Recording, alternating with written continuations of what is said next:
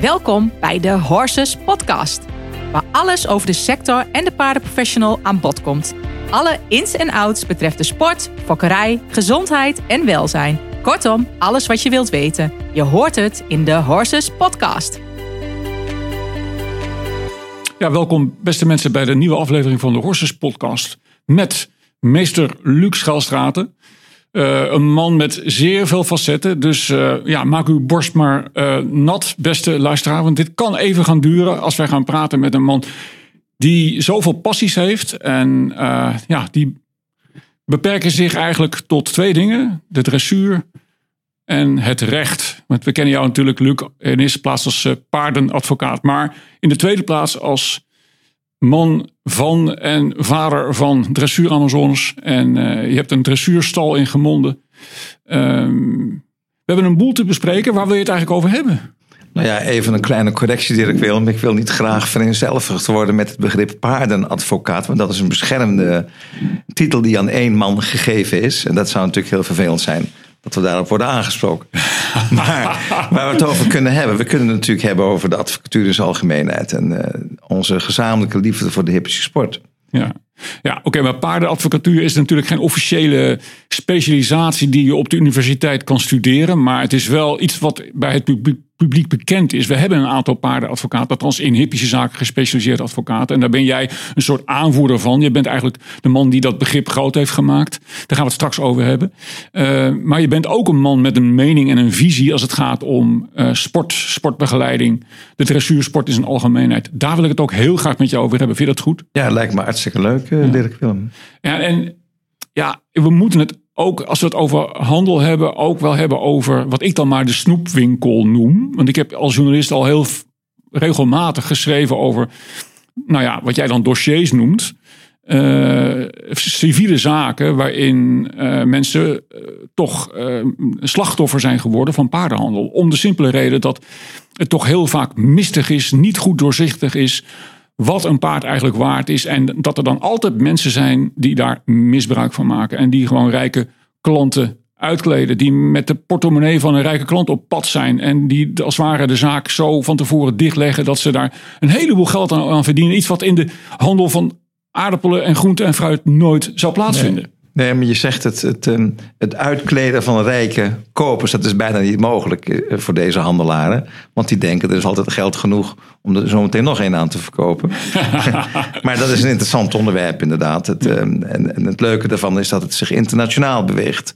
Ja. Toen ik begon in die paarden uh, specialisatie, ik ben 36 jaar geleden begonnen in de algemene commerciële advocatuur in mijn spreekkamer staat nog een heel groot kompas, omdat ik toen in Rotterdam, waar ik stagiaire werd, op een klein advocatenkantoor, ik de, ook de natte praktijk. Uh, de natte praktijk. Bedreef. Hè, dat was dan het. Uh, zeerecht. Niet, ja, het zeerecht. Het, ja. het, en ik heb toen in die periode ontzettend veel beslagen mogen leggen op boten en alles wat iets meer zijn.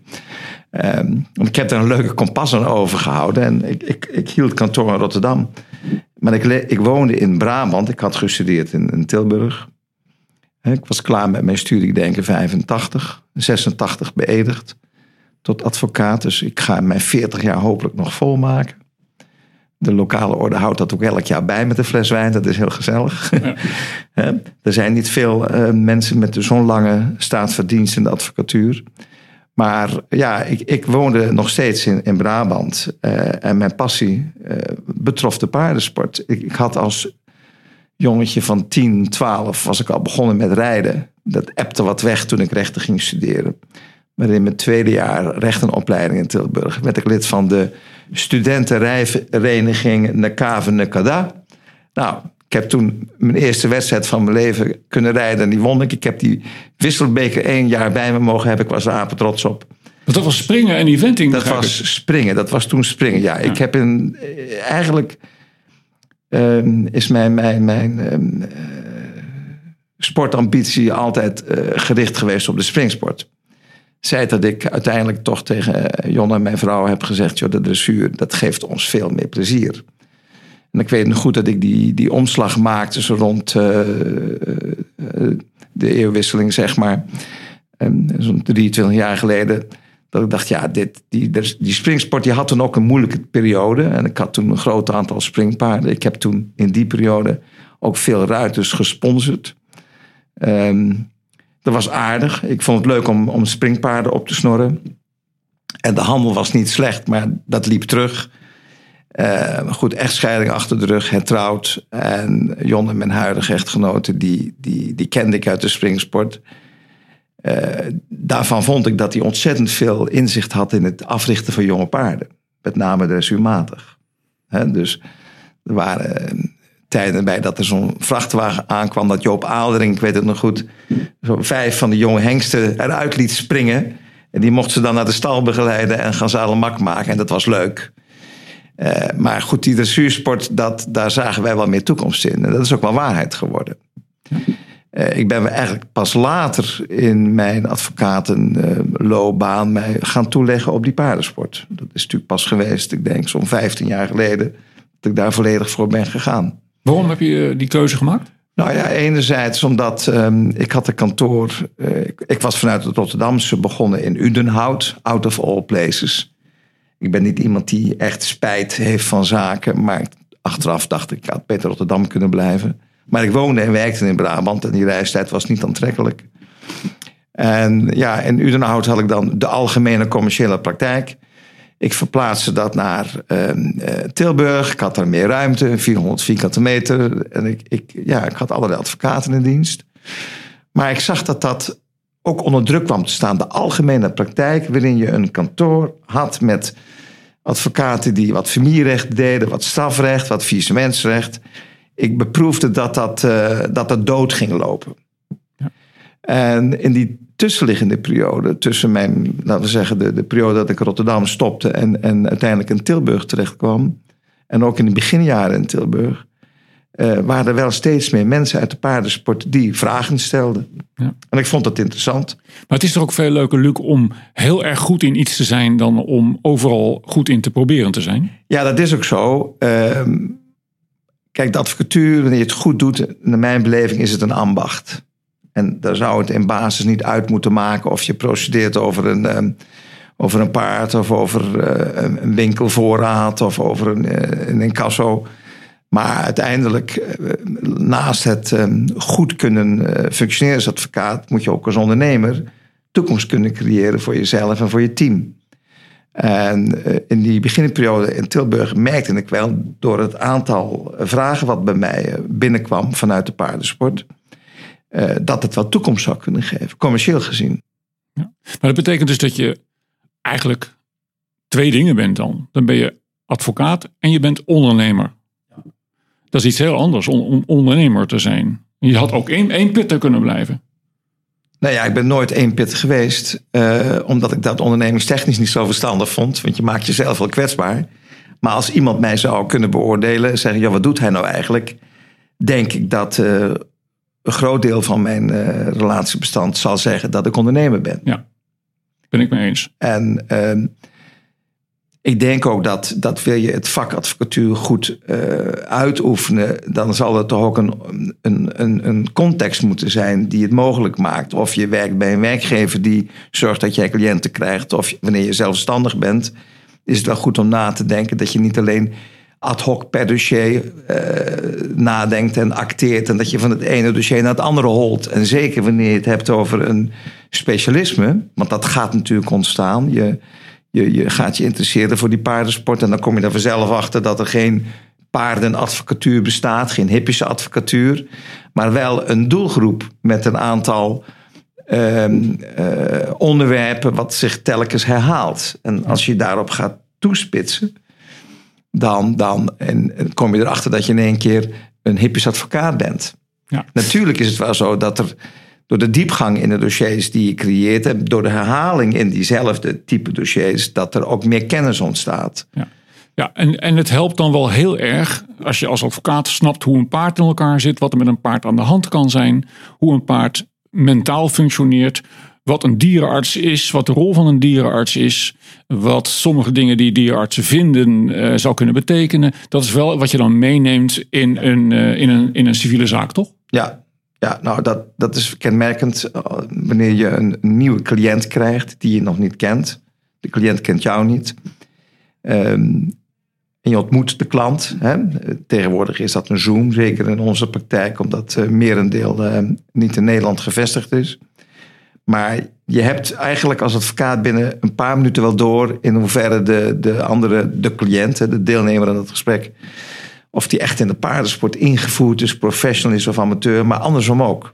En dat is het leuke aan mijn vak, dat ik ontzettend interessante mensen ontmoet, die het ook de moeite vinden om rechtstreeks met jou te communiceren. Want in alle andere uh, rechtsgebieden, met name commerciële praktijk, heb je te maken met CEO's. Je hebt te maken met uh, grote aandeelhouders, maar die spreek jij niet. Mm-hmm. Dan heb je te maken met hun uh, general manager of hun, hun in-house lawyer. Maar wanneer het een, een, een, een, een paardenzaak betreft die uh, ook um, aan de eettafel door papa en mama met de kinderen besproken wordt. Omdat het ze aangaat. Ze hebben in Nederland een paard gekocht en het functioneert niet. En ze voelen zich in het ootje genomen. Ze gaan naar de advocaat. Dan word je persoonlijk gebeld. En die synergie die is ontzettend leuk. Dat je rechtstreeks met de mensen die het aangaat ook uh, zaken kunt doen. en zij voelen ook onmiddellijk of jij wel weet waar je over praat. Hè? Dus als we het hebben over kreupelheidsproblematiek Ehm, ehm, dan heeft die, die klant of potentiële klant die, die overweegt de zaak bij jou in, in behandeling te geven, wel door of je weet waarover je praat. Dat geeft een fijner gevoel, een beter gevoel als je weet dat jouw advocaat snapt hoe een paard functioneert Precies. en dat waarschijnlijk ook beter kan uitleggen aan de rechter. Precies. Ik zou je vertellen, we hebben natuurlijk nu al 15 tot 20 jaar over gedaan om op te bouwen wat we hebben. Ook qua naam en ook qua kennis en ervaring. En je ziet natuurlijk om je heen ontzettend veel uh, advocaten in één keer zichzelf presenteren als gespecialiseerd in het paardenrecht. Ik zag vorige week nog een mooie uiting. Nederlands Equine Lawyer Holland. of Dutch Equine Lawyer Netherlands. Ja, het is natuurlijk geweldig, maar uh, het is natuurlijk een potentie om omzet te maken. Maar als je niet weet waar je over praat, en dat is toch echt wel heel vaak, wij maken dat natuurlijk doorgaans mee, dan is het ook voor die cliënt embarrassing en, en schiet het natuurlijk niet op. Dan draagt het ook niet bij aan de oplossing van een dossier. Ja. De ondernemer in jou, die uh, bracht je ertoe om, uh, te, om je te specialiseren in, in hippische uh, zaken. Maar de ondernemer in jou, die brengt jou er ook toe om continu te blijven innoveren en na te denken over hoe dingen anders en beter en groter en efficiënter kunnen. de uitrol naar het buitenland is daar een belangrijke factor in. Ja, en dan uiteindelijk is het natuurlijk toch wel de ondernemingsvraag: waar wil je met je bedrijf naartoe? Of met je bedrijven? Maar um, in basis is het gewoon heel simpelweg zo gekomen. Um, ik legde mij toe op die paardensport. Dat betekent ook dat ik van een aantal advocaten afscheid moest nemen binnen het team. Mm -hmm. Die dus daar ook helemaal geen belangstelling voor hadden. Um, veel mensen en ook jonge advocaten, potentiële advocaten, denken altijd maar dat je dat je naar mest ruikt en dat je in de garage praktijk houdt. Hè, die vinden dat natuurlijk niet interessant. Daar kunnen we straks wel iets meer over zeggen. Um, maar ja, op het moment dat je dat je, uh, je gaat toeleggen, dan, dan krijg je aanvragen ook veel uit het buitenland. En ik ging reizen. Ik ging uh, casuïstiek bekijken. Hè, dat is een ontzettend duur paard was gekocht. En mijn cliënt die beweerde dat daar een probleem was. Of andersom, ik stond een een verkoper in Europa bij die een duur paard naar Amerika of Canada had verkocht en daar was alles mee los. Eh, dan vond ik het wel verstandig en aangewezen om snel de feiten te onderzoeken. Zoals je ook bij aan de verkoop due diligence doet, moet je als advocaat ook je due diligence doen. Van met, wat, met wat voor problematiek ga ik hier om? Want voor je tweede ben je twee aan het procederen of verlies je de zaak omdat je je fact-finding niet goed voor elkaar hebt. Dus ik was voortdurend aan het reizen en, en dat ging natuurlijk niet meer. Waarop ik dacht, ja, ik moet partners gaan zoeken. Mensen met wie ik in ieder geval een relatie kan uh, opbouwen die mij kunnen ondersteunen. En, en ik heb dus een aantal goede uh, relaties, uh, met name ook in Europa, maar ook in Amerika kunnen opbouwen. En een is kantoor Belen in, in Brussel, wat ik, waar ik al 15 jaar goed zaken mee doe. Doe ontzettend veel dossiers met ons. Maar ook een Boekart uh, Fischer, jou bekend. Ja. Topadvocaat in, in Verde, die jammer genoeg een keer wel met pensioen moest. Want daar moest natuurlijk een keer een einde aankomen. Maar die ik toch ook al was hij dik in de 70, nog telkens kon bewegen om ons te helpen, Ja. hebben we met hem grote successen behaald. En zo je- ontstond een International Alliance. Juist. Nou, toen hebben we gedacht, wij moeten dat eh, gaan formaliseren met een alliantie. Ehm, ja, dan, dan, dat is een hele mooie ontwikkeling geweest. We hebben een paar hele goede congressen kunnen organiseren, ook met deze alliantiepartners. Maar uiteindelijk trek je dan toch weer de kar. Dat wil zeggen, het valt dan toch op dat wanneer je een alli- alliantiepartner hebt in Frankrijk of, of in Engeland of waar dan ook, dat die Engelse klanten toch naar jou toe komen voor een kwestie in Engeland. Ze weten de weg toch nog niet goed te vinden. Of het is je naam, maar het is sowieso de kantoornaam, eh is Schuilstraten, dat is bekend. Ja, en dat heeft me toegebracht om de laatste fase die we nu meemaken eh, in, in te leiden. Dat is dat we zelf onze eigen branches zijn gaan creëren in de wereld. Want als we dan zoveel energie moeten stoppen in, in de lokale advocatuur, dan is het ook veel interessanter voor ons om daar een aandeel in te hebben. En dat heeft ertoe geleid dat we eh, naast Nederland, dat is dan de Bos Amsterdam, ook in Londen, Parijs, New York en Qatar een locatie hebben. En we hopen in september ook in Palm Beach de nieuwe locatie te hebben. Ja. En eh, dat zijn natuurlijk allemaal fuiken voor klanten, voor nieuwe zaken, die, eh, die je op die manier aan je kunt trekken. Ja, als ik het woord fuik hoor, dan denk ik aan zo'n politiecontroles. Dat vind ik niet zo'n zo prettig in, in het oor klinkend begrip. Maar een voorbeeld is hoe het zich ehm, eh, ontwikkelt, ook in Amerika. In, in Amerika heb je elk jaar de Annual Equine Law Congress in Kentucky. Ik ben daar vele malen geweest, ook nu weer een paar weken geleden in mei. En dan zie je zo'n circa 200 tot 250 advocaten uit Amerika die bezig zijn met sport. 200 tot 250. Merendeel heeft te maken met de, met de racehorse business. Maar toch een belangrijk omvang eh, richt zich op de sporthorses. Hè? Dat is dan het Amerikaanse begrip voor dressuur, paarden en showjumpers. Bijna niemand heeft internationale betrekkingen of ervaringen. Het houdt op aan de grens. Ja. Even opvallend is dat die stakeholders in Amerika, die hier de paarden komen, of hier sportbedrijven, die enorm investeren, dat niet doen via die lokale advocaten. Dat betekent dus dat de weg open ligt in Amerika. Nou, het zou mijn eer te na zijn om die weg niet te proberen te bewandelen. Absoluut. Dat eh, is echt eh, aan jou wel, wel besteed. Ja, dat, is, Eh, dat is fantastische En, potentie. en dan, dan, eh, als we het hebben over Amerika, over, laten we zeggen, de, het potentieel dat zich daar aan kopers bevindt en ook het potentieel van hun portemonnees, eh, dan kom ik maar met mijn begrip snoepwinkel, eh, omdat de paardenhandel toch eh, in mijn eigen journalistieke praktijk regelmatig naar voren is gekomen als een plek waar rijke mensen eh, toch bij de, bij de bok worden gedaan. In het, zoals jij zegt, het in het ootje worden genomen. Want het is nou een keer heel moeilijk om vast te stellen wat de waarde van een paard is. En het is makkelijk om gebruik te maken van de eagerness, hè, de, de, de wil van de koper om dat geweldige paard te willen hebben. En op dat moment is hij ook totaal verliefd op dat eh, paard. En dan let hij niet op het geld. En let hij dus niet op zijn trainer. En eh, die bezig is om daar eh, zaken te, te regelen. En ja, dat, dat, daarin onderscheidt de paardenhandel zich toch wel van andere takken van, van handel, of niet? Ja, kijk, ik heb net het woord due diligence genoemd. Op het moment dat een koper overweegt een paard te kopen, moet hij gewoon zijn due diligence doen. Maar wat je ziet is dat die emotie bij de kopers enorm toeslaat. Dat wil zeggen, ehm, de dochter van 18 rijdt verdienstelijk en moet een beter paard hebben. Op het moment dat de trainer dat gaat roepen, en je hebt al veel geïnvesteerd als koper, als eigenaar, als vader, moet je je toch even de vraag stellen: heeft mijn dochter dat wel nodig? Want dan begint het spel. Ja. De trainer adviseert dat. Ik heb veel zaken meegemaakt waarbij de trainer dat adviseerde en uiteindelijk de trainer de enige was die er beter van werd van zo'n transactie. Nu, die emotie die, die zie je in de hele paardensport.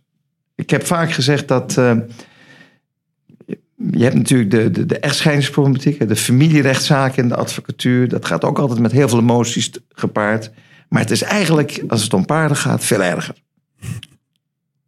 Want dan zal die, die koper die zichzelf bedrogen voelt, wel laten zien dat hij die verkoper aan kan. En dat hij inderdaad gefortuneerd is en de middelen heeft om die verkoper kapot te procederen. Ja. Dat zijn ook woorden die ik vaak heb horen uitspreken. Ja.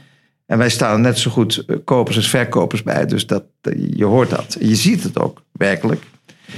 Ehm, ja, je hebt het erover, Dirk Willem, dat er in die paardenhandel wel wat los is. En dat er dus eh, snoepwinkeltjes zijn. En er worden snoepjes verkocht die achteraf zure producten blijken te zijn. Ja, de kopers moeten hun verstand gebruiken. Moeten met name het hoofd koel houden. Als ik naar paarden ga kijken, wat al een moeilijke opgave is. Ik probeer dat zo anoniem mogelijk te doen. Ehm, dan laat ik niet merken welk paard ik interessant vind. Als ik naar Joop vanuit dat ga, die mij in de piste tien paarden laat zien.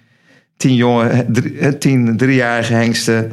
Dan kijkt hij naar mij en observeert hij of ik ergens uh, van in vervoering raak. Nou, dat zal hij niet zien. Mm-hmm. En dan zeg ik, joh, er zijn er vier, die vind ik hartstikke leuk. Misschien nog een vijfde. En die wordt het natuurlijk. Ik zeg, kun je die niet eens bijgezet laten longeren? Nou, en dat doen we dan. En dan koop ik een paard uh, zoals Nightstar. Waarvan hij afhankelijk zegt, ja, die kun je voor het heel kopen. Maar toen hij hem zelf aan de longeerlijn zag, dacht hij, je kunt hem nog maar voor de helft kopen. Ja. Dus, maar je moet die emotie niet tonen. En je moet proberen, uh, denk ik, een, een, een verkoopteam um, of een aankoopteam uh, samen te stellen. Van mensen die je vertrouwt en die je contractueel vastlegt. En die ook een opdracht meegeeft. Dat is gewoon voor je vrouw of dochter of voor jezelf een goed paard te vinden. Mhm. En op basis van objectieve criteria tot een beslissing te komen. Want het is natuurlijk zo dat, dat veel kopers hebben, uh, ja, hebben gewoon een verkeerd paard gekocht. Hè? En dat een paard niet functioneert, dat heeft niet altijd een veterinaire oorzaak. Er is heel vaak een mismatch. Het verwachtingspatroon op het moment dat het paard wordt gekocht, waarbij er nog een topruiter op zit en natuurlijk dat paard optima forma voorstelt, uh, geeft dat aan een ruiter of de potentiële koper een heel ander gevoel dan wanneer die na twee maanden uh, reizen en verblijven en quarantaine en laten acclimatiseren in, in Amerika dat gevoel weer geeft. Mhm. Maar het is natuurlijk wel zo dat, dat er binnen de paardenhandel, nationaal, internationaal, wel lieden zijn die er gewoon echt op uit zijn om die kopers een verkeerd of ongezond paard te verkopen. Ja, of er zoveel mogelijk geld tussen uit te halen. Ja, nou, dan, we kunnen die posities wel eens even doorexerceren, want dat is wel interessant, denk ik. Ja. En af en toe uh, bekruipt mij dan toch het gevoel dat het natuurlijk niet alleen de paardenhandel is waarin zich dat um, um, voltrekt. Ik, wij zijn actief in kunst. Hè. Ik, ik, sta erom bekend dat ik uh, um, kunstverzamelaar ben, maar dan minimaal en daar ook nog uh, af en toe wat in doe. Um, maar die werelden zijn heel goed vergelijkbaar. Met name als je dat internationaal bekijkt. Nu, men denkt altijd als koper dat men een trainer nodig heeft om een paard te gaan kopen. En dan gaat het natuurlijk fout, want die trainer die selecteert, die weet al goed wat het budget is. Die selecteert natuurlijk welke paarden worden gezien in Europa. Mm-hmm. En die selecteert ook de verkopers uit. En als dat vriendjes van elkaar zijn, dan blijft er heel veel geld aan de strijkstok hangen. Ja. En we hebben nu een aantal zeer, uh, ja, toch wel ingrijpende uh, zaken meegemaakt. Uh, waarbij ja, trainers een paard wat aanvankelijk te kopen stond voor 800.000, 900.000, toch uiteindelijk wist op te krikken naar 1,8, 1,9 miljoen. Om daar zelf met een groot bedrag tussen te zitten. Ja, ja dat is pure fraude. Dat is, dat is echt. Dat is bedriegen, dat, is, dat zijn oneerlijke handelspraktijken. Maar dat kan omdat niemand werkelijk kan zeggen of een paard nou 1,8 of 800.000 waard is. Nee, er, er is geen, er is geen uh, prijskaartje voor een paard, omdat die emotie elke keer een rol speelt. En we gaan nu richting een Olympisch jaar. Nou, er zijn nu weer wat, wat uh, uh, mooie dressuurpaarden in aankomst, die toch denk ik rond de zomer Grand Prix gestart gaan worden. Ja, die prijs wordt opgedreven. Daar heb ik als jurist niet zoveel moeite mee. Omdat ik persoonlijk vind dat prijsstelling iets is van vrije onderhandeling van vraag en aanbod. Maar op het moment dat daar uh, trainers of commissionairs tussen zitten die in strijd met hun, hun zorgplicht jegens de opdrachtgever uh, een verkeerde voorstelling van zaken geven. Want op het moment dat je natuurlijk gaat zoeken naar een paard voor die klant, je bent de trainer en je hoort dat de, dat de verkoper, de eigenaar 900.000 wil hebben, dan is het wel een feit. Wat je eigenlijk gewoon met die koper moet bespreken. Dan is dat moment wanneer je daar al een verkeerde voorstelling van zaken geeft. Dan ben je de zaak aan het belazeren. Maar wat, ik dan, maar wat ik dan niet begrijp is als het om dit soort geld gaat, waarom er dan niet overeenkomsten zijn waarin dit soort dingen exact beschreven staan. Wat krijgt de tussenpersoon? Wat betaalt de koper, eh, verkoop, eh, wat betaalt de koper? Wat krijgt de verkoper? En wat blijft er tussenin Ja, zitten? maar je hebt het over overeenkomsten. Een overeenkomst is iets tussen twee of meer personen, wat, wat schriftelijk vastlegt datgene zij besproken hebben en wat ze vastgelegd willen hebben, wat ze overeengekomen zijn. Dat, er is geen objectieve wetgeving. Nu, we kunnen een uitstapje maken naar Amerika. In Amerika is wel de wetgeving ontstaan die deze praktijken tegengaat. Er was in Kentucky een, eh, een, een eh, eigenaar van, van, van vol, vol, volbloeds, hè, racepaarden. Die er dus achter kwam dat zijn eh, trainer hem ongelooflijk eh belazerd had, jarenlang. Die is daarover gaan procederen. En dat heeft in diverse staten in Amerika tot goede wetgeving geleid. Niet alleen in Kentucky, maar ook in New Jersey en ook in met name Florida. Het is zeer minutieus vastgelegd wat een trainer, wat een agent wel of niet mag. Ja.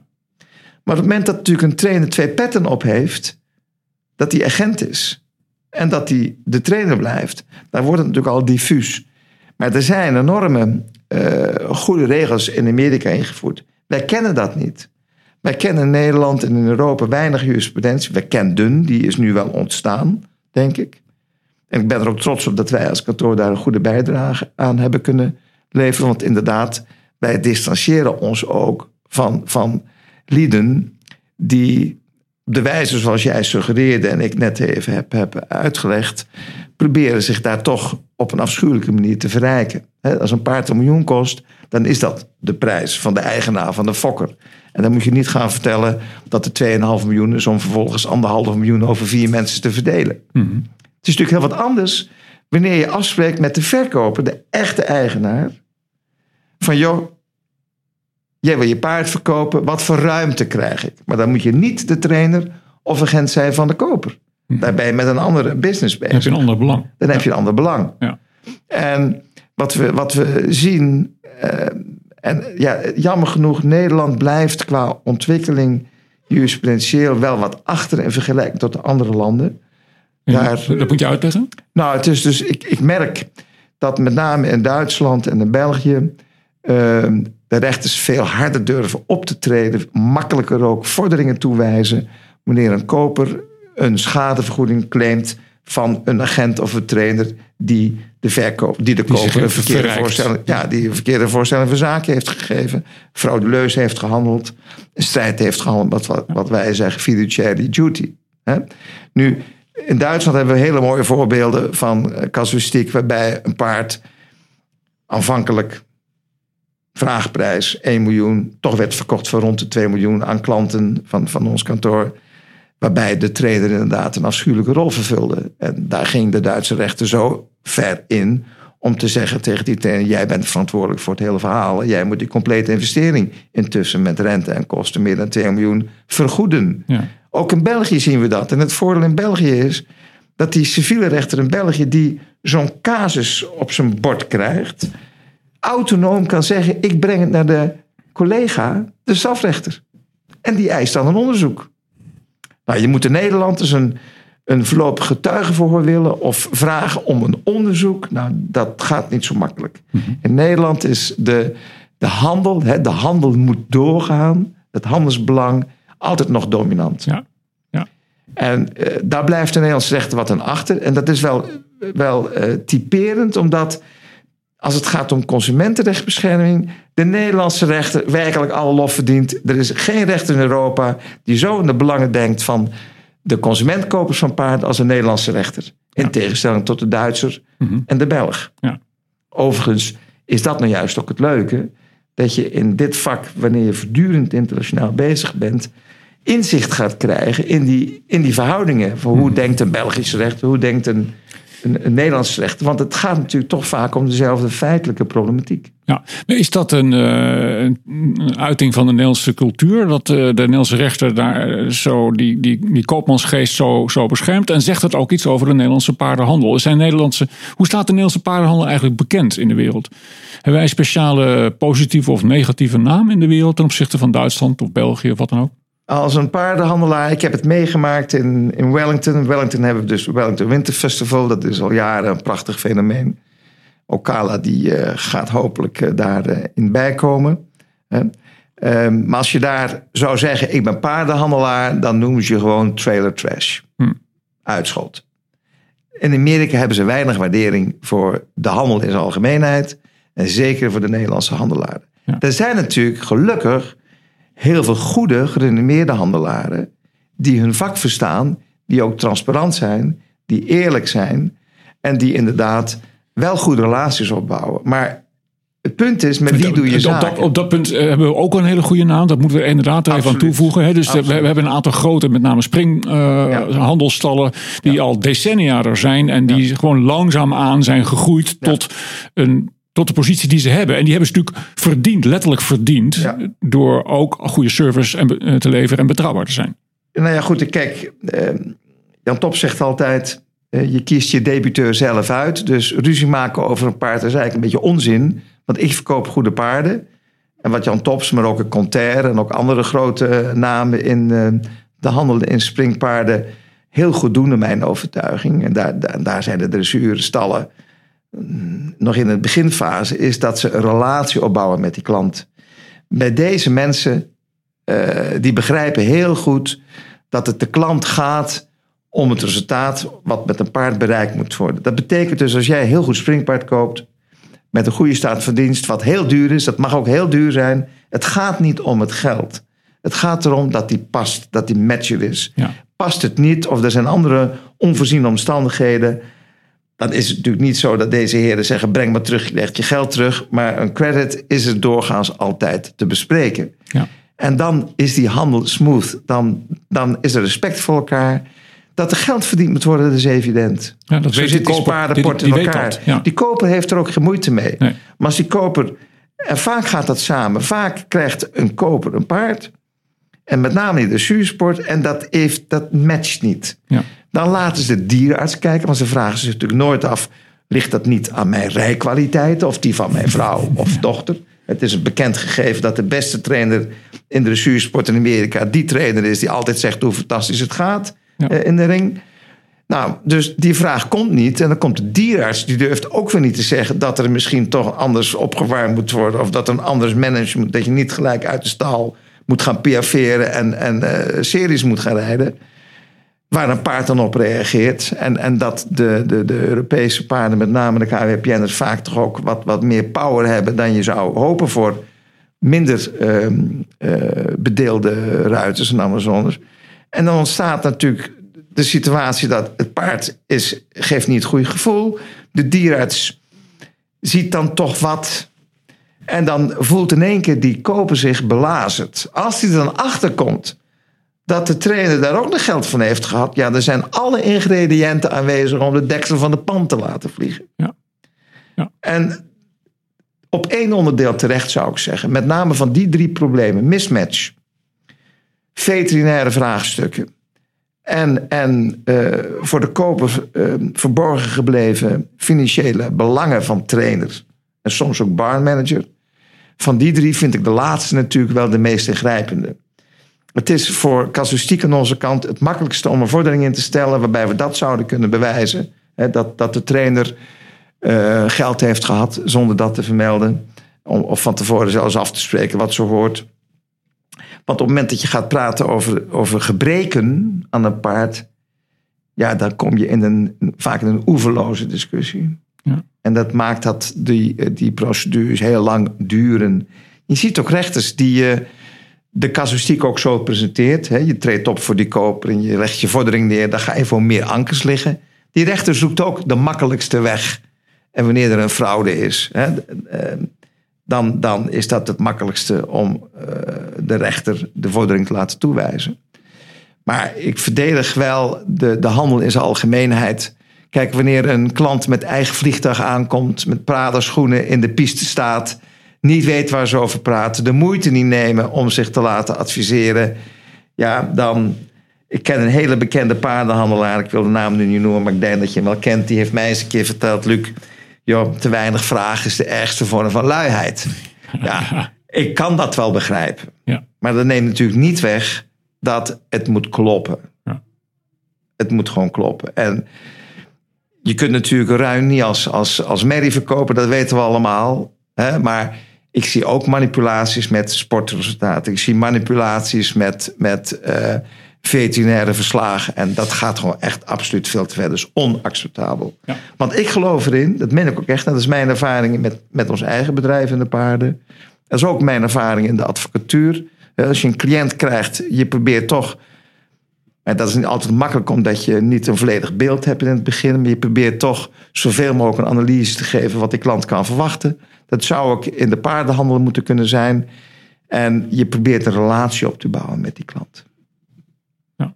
Ook als handelaar. Want de handelaar weet heel goed intussen, die mensen die komen terug. Ja, een paard leeft niet zo lang als uh, de koper. Precies.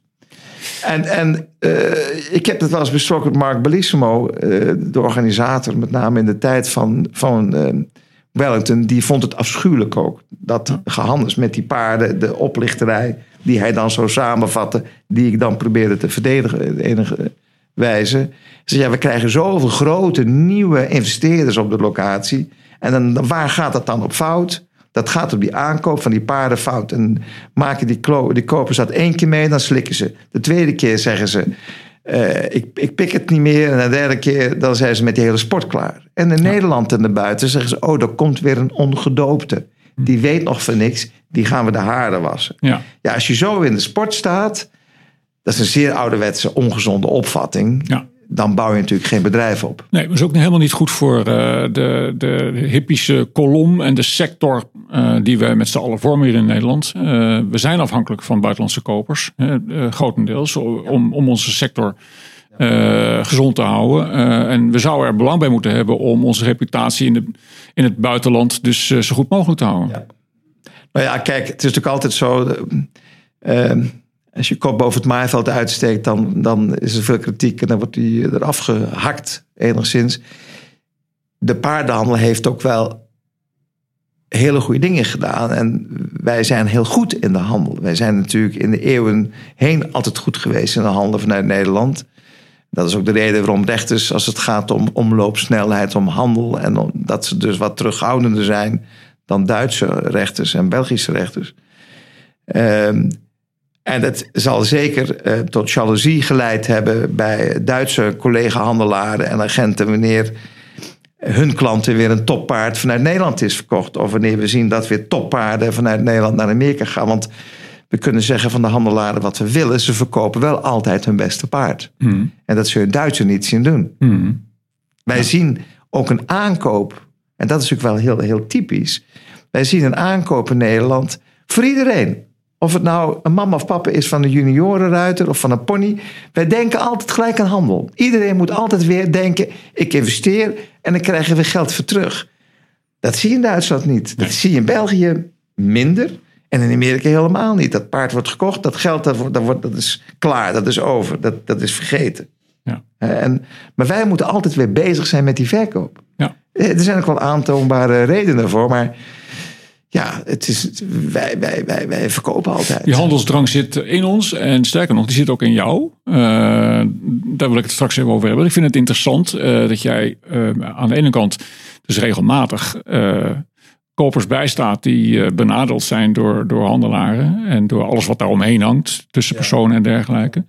Um, maar dat je nu zelf eigenlijk ook zo'n soort van handelaar bent, samen met je, je vrouw natuurlijk. Een, een opleidingsstal hebt. Uh, maar voordat we het daarover... Ja, maar is dat wel zo wat je ja, zegt? Dat, dat, nou, dat houden we even vast. Inzoomen. Een cliffhanger, cliffhanger ja, ja. voor het tweede deel van deze, van, van deze podcast.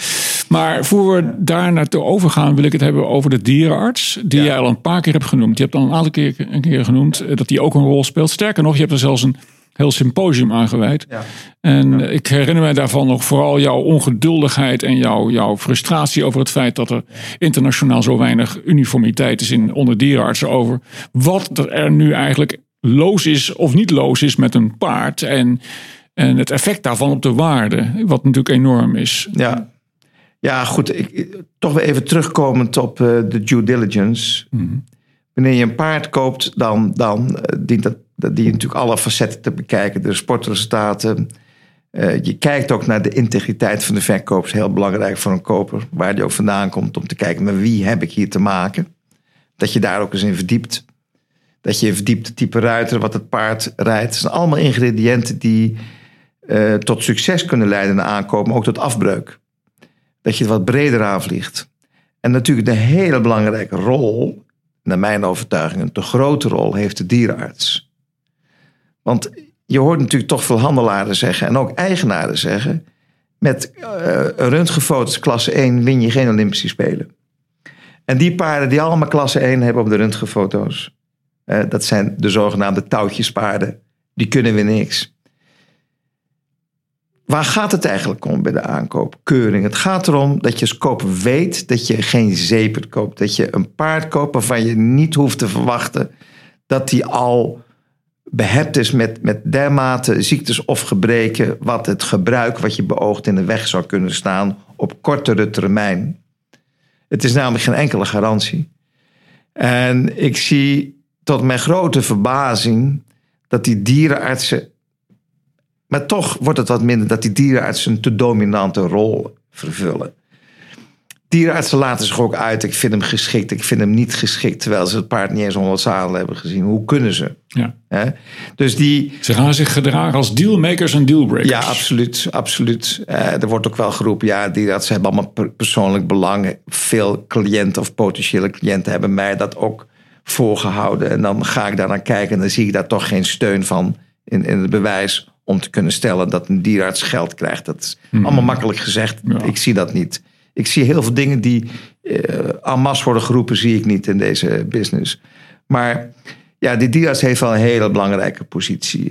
Ik heb, ik heb zelf wel uh, paarden gekocht waarvan mijn dierarts ook niet de minste op dat moment zei... nou ja, Luc, ik weet het eigenlijk niet, want het cumuleert, het is dit, het is dat. Ik zou nog maar eens... En dan ging ik neergeslagen naar huis... En dan zegt John, joh, maar my god, wat een paard. Nou, dan koop je hem. En dan zie je gewoon dat er natuurlijk niks aan de hand is. Maar die, die dierarts weet dat niet. En mijn overtuiging is, en ook ik oefen mijzelf daarin, als een paard van een trailer komt of van de wagen en ik hoor hem stappen, dan hoor ik al of het goed is of niet. Ja. En dan kan het mager zijn. En die klinische keuring die vind ik zo belangrijk dat die röntgenologische beoordeling. En we gaan tegenwoordig veel verder, Dirk Willem. We gaan niet alleen röntgenologisch kijken. We gaan scannen. Misschien is dat nog wel belangrijker dan röntgenologisch kijken. Maar we gaan ook nog een MRI'tje doen. En die dierenarts die, die maakt een omzet tussen de 10 en de 15.000 euro. En die schrijft dan niet bij het onderzoeksprotocolletje wat nou eigenlijk het advies is. Mm-hmm. Die zegt alleen maar wat hij allemaal gezien heeft Ja. in zijn optiek niet meer leesbaar. De dierarts heeft nog steeds niet uitgevonden dat het ook digitaal kan, dat het leesbaar is. En zo neemt het aantal momenten dat een koper zich rot kan schrikken toe. Juist. Omdat je meer ziet. Juist. En dan zijn die kopers natuurlijk al voorzichtig. Die hebben al te maken met dure, met dure eh, paarden, met, met handelaren en dito agenten die, ik hoor het nog, ehm, ehm, mijn goede vriend eh, Jan Kees van de End eh, zeggen. Als, je naar, als ze naar mijn paard komen kijken, Capri, dan komen daar vier Porsche Cayennes aangereden. en die moeten er allemaal van eten. Hè? Ja. Dus nou, toen heb ik gezegd, joh, wij gaan dat paard samen verkopen. En dat gaan we zo zeker niet doen. En dat is ook niet nodig gebleken. Maar ja, iedereen heeft dan zijn mening. En dan gaat die dierenarts aan de gang. En dan moeten er ook nog drie andere dierenartsen een uh, plasje overheen doen, zoals het heet. En dan uiteindelijk weet niemand meer waar het om gaat. Hmm. En uh, ja, ik vind, ik vind de rol van de dierenarts in dat opzicht um, op dat moment, zoals zij het doen, te belangrijk. De dierenartsen, het merendeel wil nog niet eens weten wat de historie is van het paard, veterinair. Ja. Terwijl ik dat standaard vind. Ik bedoel, als ik een paard ga kopen of ik adviseer een cliënt, ik wil alles weten van de historie. We hebben een, een verklaring ingevoerd Je weet nog het congres, toen ging het er ook over. Men vond het allemaal niks. Maar nu gebruikt iedereen zo'n verklaring. Dat toch gevraagd wordt aan degene die dat paard bij zich heeft of de verkoper. Uh, wat heeft hij gedaan? Is hij onlangs nog gekeurd geweest? Is hij door die keuring gekomen? Uh, is hij ziek geweest? Heeft hij gebreken vertoond? Dat zou je toch willen weten? Voordat je een paard gaat keuren. Ja. Natuurlijk, er zijn dierenartsen die zeggen... wij willen er onbevangen tegenover staan. Maar een oude peesblessure, dat behoort toch wel te weten. En er, er zijn nu ook actueel wel een paar grote procedures gaande... over die vraag. Maar ik weet nog goed... Ik heb ooit een keer een, klacht ingediend bij de tuchtcollege, bij een dierenarts die voor mijn cliënt een paard keurde en dat goedkeurde. En achteraf bleek, had diezelfde dierenarts een paar maanden daarvoor hetzelfde paard gekeurd en afgekeurd op basis van röntgenologische bemerkingen. Maar mijn cliënt had alleen de klinische keuring gevraagd. Dus die dierenarts die wist heel goed wat er los was. Maar die vond het niet normaal om dat met mijn cliënt te bespreken. En de tuchtrechter vond het ook niet nodig. Nou, zo, dat is dan de stand van de ethiek en de techniek in de dierenartsenwereld. Ja. Maar ik moet zeggen, ik weet nog heel goed in het congres, toen ik daar zo over uitpakte in het tweede deel van de middag, was het natuurlijk muisstil. Hè? Want ja, waar praten we allemaal over? Wat komt er op ons af? Maar eh, de dierenartsen wisten toen natuurlijk al heel lang en heel goed dat het ook anders zou kunnen en zou moeten. Dat het gaat om transparantie, dat het gaat om, om kundigheid. En dat gaat erom bij een paard, als een, als een dierenarts een paard keurt, is dit te managen? Je hoeft niet bang te zijn dat er een klasse 3 straalbeen is. Vergelijk die foto's met oude foto's. En als het allemaal hetzelfde is, dan durven de meeste dierenartsen die hobben wel te nemen. Een kieste is niet per definitie dodelijk. Het kan, het hangt van de omstandigheden af. Hè, En kissing spines, narrow spines, ja, is dat dan allemaal zo ernstig? Je moet geen paard kopen wat totaal geen rugspieren heeft. Al heeft hij prachtige uit elkaar staande eh, wervels. Het gaat erom hoe is die bespiering, hoe is het paard, hoe heeft het paard zich ontwikkeld. Ja. En bij een goed bespierde rug zou je best wel een minder vrije foto kunnen accepteren, maar niet met actieve ontstekingen, met osteofieten, enzovoort, enzovoort, enzovoorts. Ja. En wat ik zo, zo, zo dramatisch vind, is dat de kennis van de dierenartsen op dat punt eigenlijk meer gedeeld zou moeten worden met de grote groep. Wat bedoel ik daarbij?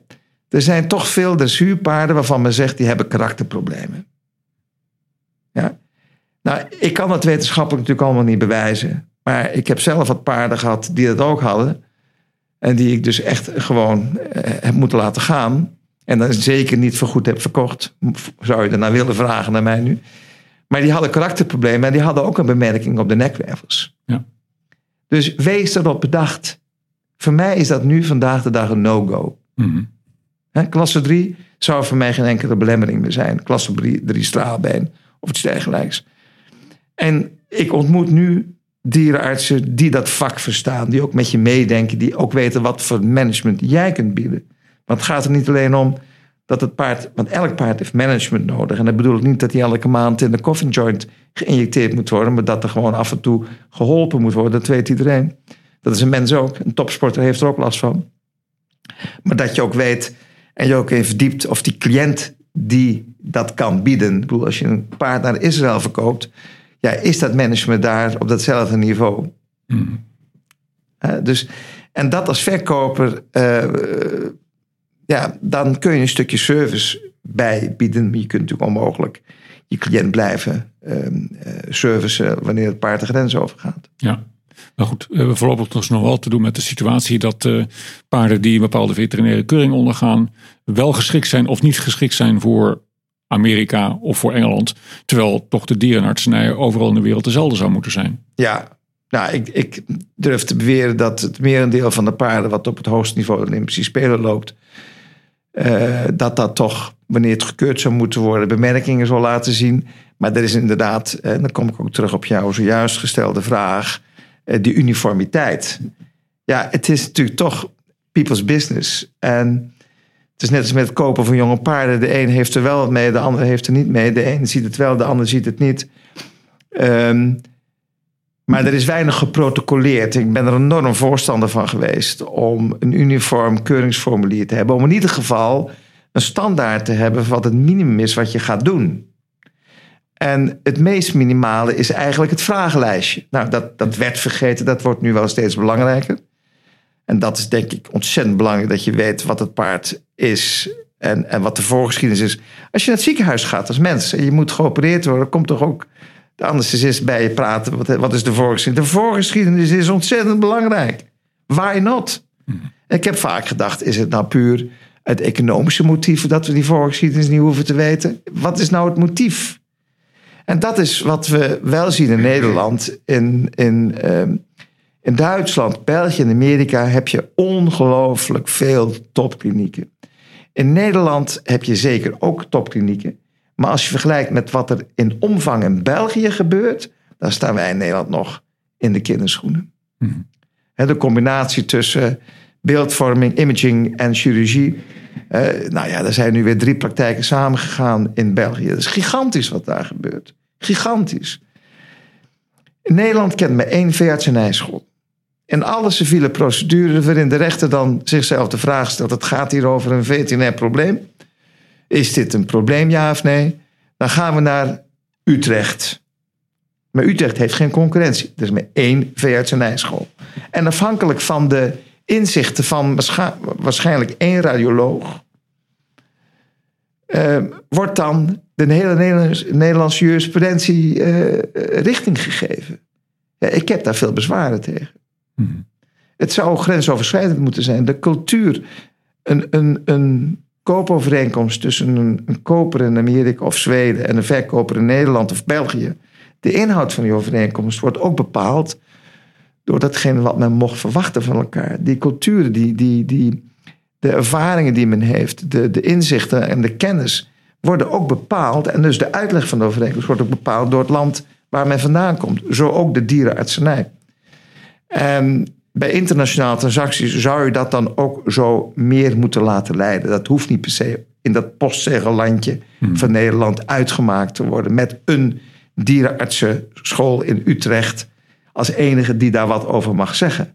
Maar rechters in Nederland hebben er enorme moeite mee om buitenlandse deskundigen aan te wijzen. Die zijn er ook relatief weinig in Nederland. Net zo goed als taxateurs. Het zijn altijd dezelfde taxateurs die je bezig ziet. Terwijl in Duitsland, Engeland, overal zijn er dus vele taxateurs. Er zijn vele topdierenartsen die ook professioneel als deskundigen worden aangesteld. Oké, dus er is nog iets te doen uh, voor, laten we zeggen, in de professionalisering van uh, die, die kolom die paarden produceert, die de wereld overgaan in, in Nederland. Um, ik wil nu naar, terug naar mijn, cliff, naar mijn cliffhanger. En naar het feit dat de man die uh, of handelaar bijstaat of handelaar ja. voor de rechter sleept, dat die uh, handelaar ja, wordt wel eens gezegd, ik, een van mijn confrères die gooit dat elp elke zit ik naar mijn voeten. Meneer de rechter, u weet wel, u heeft hier geen advocaat in de zaal, maar ook een handelaar. ja. Kijk, dat ik advocaat ben, dat is natuurlijk evident, want ik ben beëdigd. En ik heb die beëdiging ook altijd uh, intact weten te houden. Ja. En of ik handelaar ben of niet, dat is natuurlijk nog maar de vraag. Ik ben liefhebber van de paardensport. En ik heb passie voor mijn vak. Anders had ik niet kunnen opbouwen wat we opgebouwd hebben met het hele team. En je bent, en dat kan ik getuigen, een zeer goede scout van jonge paarden. Ja, daar wil ik het zo over hebben. Maar toch even dat handelaar. te liggen ja, maar dan word je toch vanzelf handelaar? Nee, wij, wij, en in alle oprechtheid. Ik zou, ik zou me er overigens ook niet voor schamen om handelaar te zijn. Alleen, ik ben het niet. Wat ben ik dan wel? Ik ben vader van, van Mickey en Amber. En ik ben um, echtgenoot van Jonne. En die hebben de passie om paardensport te bedrijven. Nu, als je dat goed wil doen, dan kost dat centjes. Veel centjes. Ja. Dat is een jammerlijke kant van deze sport. Zullen we het zeker zo nog over hebben. Dus er komt, en dat is natuurlijk een Nederlander gegeven. En ik ben van origine niet niet volbloed Nederlander. Mijn vader is Belgisch van afkomst, mijn moeder is Nederlandse. Dus, maar het is dan toch zo dat ik denk dat ik die paplepel wel met, met ondernemingsdrift heb, heb binnengekregen. Maar als ik iets koop, dan probeer ik daar een primair doel mee te bereiken, dat is topsport. Maar je maakt het dus mee. Je hebt het zelf meegemaakt, Dirk Wil. Als je een beter paard hebt, dan komen mensen daarop af. En om de continuïteit van die stal te kunnen organiseren. Zeker ook voor, voor mijn dochter Mickey, die eh, toch echt duidelijk heeft uitgesproken... eh, ja, die paardensport te blijven bedrijven. en daar ook haar bestaan in te vinden. Mhm. Eh, probeer ik een setting neer te zetten met mijn vrouw, met Jonna... dat zij dat ook kan inverdienen. Dus zij zal altijd ook moeten verkopen. Om niet noodgedwongen altijd je beste paard te moeten verkopen... moet je zorgen dat je een aantal paarden hebt. Mhm. Zodat je die opleidt. Ook goed voor de opleiding van het kind. En van, van jezelf als scout. Dan wil je niet overal huren. Dan wil je je eigen locatie hebben. Dat is ultiem. Mhm. Dat heb je opgebouwd alleen maar met de opbrengsten van die paarden. Hoeveel mensen mij wel niet gevraagd hebben, Luc, toch wel fijn voor jou dat je advocatenpraktijk er is, want daardoor kan Jonna de paardensport bedrijven. Dan leg ik altijd uit, ik hoef dat niet, maar ik leg dan toch uit. Het is niet andersom. Jonne onderhoudt mijn advocatenpraktijk niet, maar die weet de broek goed op te houden. En eh, daar ben ik trots op. Maar het is natuurlijk zo dat als je dat niet nastreeft, is het natuurlijk een, een, een sport waar al het geld mee uit je portemonnee vloeit. Dus je moet je verkopen. Ik vind het, ik zou wel fulltime paardenhandelaar kunnen zijn. Mhm. Ik vind het heel leuk. Maar het is gewoon qua tijdspad niet te combineren met wat ik doe. Nee. Dus ik verzet me niet tegen de titel, maar meer tegen het feit dat als ik word gezien als, als handelaar. Een goede handelaar is een heel mooi vak. Amsterdam, de grachten zijn er vol gebouwd met, met, met eh, opbrengsten van, van eh, de internationale handel. En daar moet Nederland het ook van hebben. Het is een heel mooi vak als je het goed doet en het goed verstaat. Maar ik heb er te weinig tijd voor. Ik zou er eigenlijk wel meer tijd voor moeten maken. Ja. Wat ik zo opvallend vind is dat eh, in de paardenhandel, waar het toch eigenlijk altijd wel om geld gaat. De ene keer om best wel veel geld en soms over heel veel geld. Ehm, dat er zo weinig... Maar zeg je nou dat het alleen maar om geld gaat? Nee, nee, nee, nee. nee. Oké. Nee. Het gaat vaak best wel om Ja, geld. dat is juist. Ja. En, en als je dat zo bekijkt, dan is het eigenlijk vreemd dat er of geen overeenkomst wordt eh, opgeschreven over Ja. datgene wat je, wat je met elkaar als koper-verkoper hebt afgesproken. Of heel sumier, of, of heel eh, onhandig, eh, maar meestal zelfs helemaal geen overeenkomst. Dat is toch heel merkwaardig. En hoe doe jij dat zelf als jij een paard verkoopt? Ja, dat is een gewetensvraag die je me nou stelt. Ehm, laat ik vooropstellen dat wij eh, natuurlijk. Ik vind het heel belangrijk dat mensen een overeenkomst op papier zetten. Dat is met name belangrijk omdat ook richting de handelaren er toch wat risico's zijn. Met name de koop op afstand, wat als juridisch leerstuk een norm wordt onderschat. Maar op het moment dat je je paarden internationaal aanbiedt en je ze via het internet verkoopt. En de communicatie alleen per mail gaat. Er niemand komt om het paard uit te proberen. Dan heeft die Wat steeds meer- wat overigens steeds meer- steeds meer gebeurt, Ook hè? bij veilinghuizen. Ja, ja. En waarbij de koper dus niet uitprobeert. En de koper consument zou zijn. Naar de opvatting van de Nederlandse rechter. Hmm. Geeft dat heel veel risico. En daar zijn wij zo braaf. In vergelijking tot Duitsland en, en België. Want dan heb je gewoon het recht om het paard twaalf maanden lang terug te brengen. Nou, onderzoek dat dan als verkoper. Waar ben je mee bezig? Dus het is ook nu eigenlijk heel belangrijk voor die verkoper om de zaakjes op papier te hebben. Maar die Dus verkoper die is alleen maar bezig met, die, met verkopen. Die wil zijn paard gewoon verkopen. Ja. Die wil niet lastiggevallen Ja, maar- worden door ja, gedoe. Ja, dat, dat is jouw analyse. Maar dan praat je over de individuele verkoper. Maar ik, ik betrap ook grote stallen ervan hoor. Ik betrap ook grote deals. En ik zie het ook gebeuren. En dan zeg ik wel eens aan tafel. eh, joh, ik kan de dossier alvast openen. Want het gaat fout. En dat gebeurt spijtig genoeg dan ook in veel gevallen.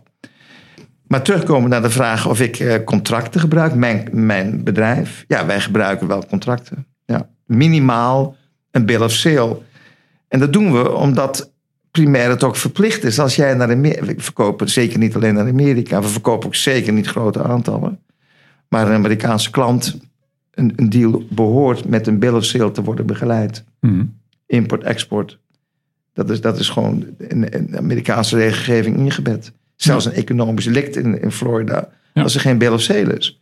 Dus, eh, en een bill of sale vind ik ook een sympathieker woord verkoopt het ook makkelijker richting de partijen om boven een kort of langer contract eh, eh, te staan. Eh, ik kan wel zeggen dat in tegenstelling tot vijf jaar geleden, wil ik voortdurend maar riep: ja, kom dan met een contract. We moeten een contract. Men denkt ook altijd: er is een standaard, er is helemaal niet standaard. Maar wij maken nu dagelijks contracten. En dat was vroeger gewoon een uitzondering. Mhm. en het is niet zo dat je alle risico's, zowel voor koper en of voor de verkoper, kunt uitsluiten. Maar het is gewoon veel verstandiger om dat wel te doen.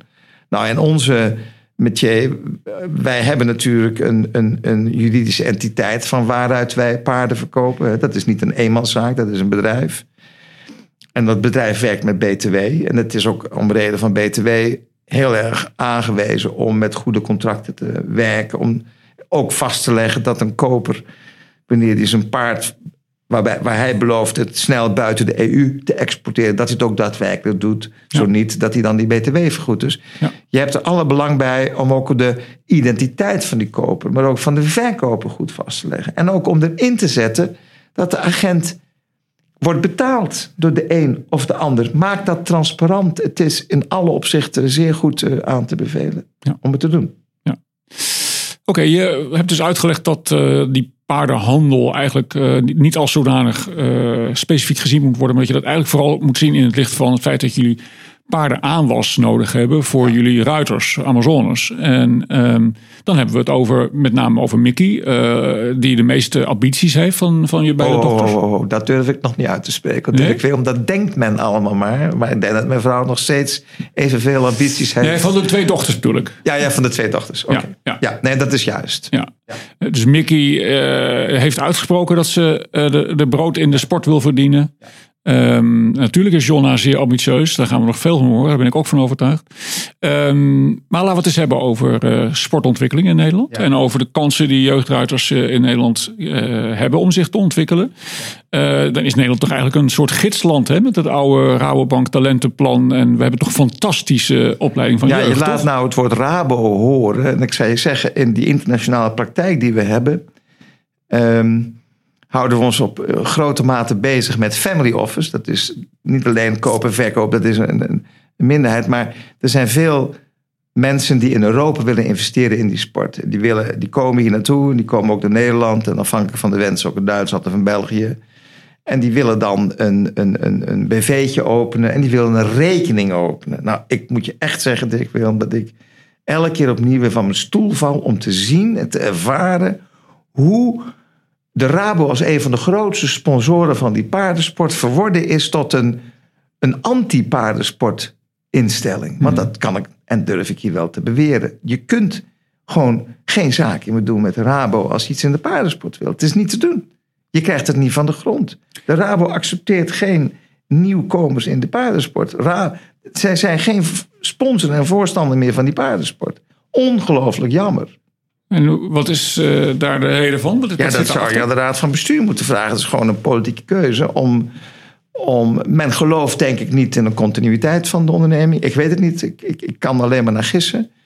Um, maar men, het, het is, uh, ik heb veel pogingen ondernomen om bij Rabo uh, Nederland mensen onder te brengen. En dat is gewoon telkens Hmm. Op een uitzondering na niet gelukt. Ze hebben hun agrarische landelijke roots ja, het, het, definitief het, achter zich gelaten. Ik, ik, ze hoeven niet anti-paardensport te zijn. Alleen ze doen het gewoon niet meer. Ze hebben keuzes gemaakt. Ik denk dat ze andere doelgroepen hebben intussen. Maar het is juist dat Rabo binnen de, de KNS uh, als, als uh, belangenbehartiger van de paardensport in Nederland, hè, de Nationale Federatie, dat die jarenlang zich uh, gesponsord heeft geweten door de, door de Rabo, de KNS. En dat is natuurlijk, ja, daar hebben we allemaal heel veel dank voor richting de Rabo uitgesproken. En ik herinner me heel goed dat Rabo daar ook heel veel zieltjes mee gewonnen heeft. Dat daar heel veel rekeninghouders. En van vroeger uit, hè, maar van vroeger uit ging men KVP stemmen of CHU, uiteindelijk CDA. En ging men naar de Rabobank. Ja. Toen ik uh, ging verhuizen een tijdje terug, toen kreeg ik ook automatisch van de Rabobank toen nog een mededeling van: joh, jij bent actief in die paardensport, kunnen we iets voor je betekenen? Dat was geweldig. En eh, dat is, dat is helemaal weggeëpt. Okay, goed, de vraag was natuurlijk de, de, de, KNS en de jeugd. Ja, dat is een hele moeilijk, is een hele moeilijk um, dwangbuis waarin deze partijen zich op dit moment uh, bevinden, volgens mij. Omdat iedereen wel enorm uh, positieve bedoelingen heeft. Zowel vanuit de KNS als vanuit de sportdeelnemers. Maar ik beproef toch wel dat die relatie die er dan bestaat. Het is ook een verplichte relatie. Want KNS is als elke nationale federatie een monopolistische instelling. Je, net als de FVI, er is maar één door de Olympische Spelen erkende internationale eh, sportorganisatie. En dat is um, de FVI. En de FVI erkent alleen maar de nationale federatie. Is enkelen. En Amerika zijn er geloof ik twee, maar dat is dan een grote uitzondering. Maar in Nederland is er dus één. En die regelen het. En daar ben je op aangewezen. En doen ze dat goed, de KNS? Ja, het is te makkelijk om te zeggen dat men het niet goed doet. Alleen op onderdelen zou ik persoonlijk heel veel verbetering willen zien. En ik heb me daar ook hard voor gemaakt. Noem eens wat. Nou, kijk, men zegt ook zo makkelijk in de sport: er wordt zo weinig voor de jeugd gedaan. De vraag is of dat klopt. Als ik zie wat men doet, men heeft de belofte training, men heeft het talentenplan. Maar ik kijk dan toch naar de, naar de kaders die heel leeg zijn. He, we hebben laatst in, in de paardenkrant, jouw niet onbekend, stond daar een aardig artikel, een interview in. Die kaders zijn zo leeg. Ja, ik denk dat er veel uh, ambities zijn uh, om topsport te bedrijven. Maar de weg daar naartoe, dat de KNS niet helemaal weet hoe die, hoe die bewandeld moet worden. Mm -hmm. En dat geldt niet alleen voor de junioren, maar dat geldt ook voor de senioren. De, wij zijn te dun. Het is veel te dun. En als er al een een, een, een goede sportdeelnemer in zo'n kader zit, dan lijkt het erop alsof het daar ook mee ophoudt voor de KNS. Die krijgt alle credits, die krijgt alle publiciteit. En de rest uh, moet het maar zien. Maar we moeten natuurlijk. Uh, je kunt nog een verschil maken tussen dressuur en, en springen. Ik ben om reden van mijn liefde voor die dressuursport ietsje meer ingevoerd in de problematiek rondom de dressuursport.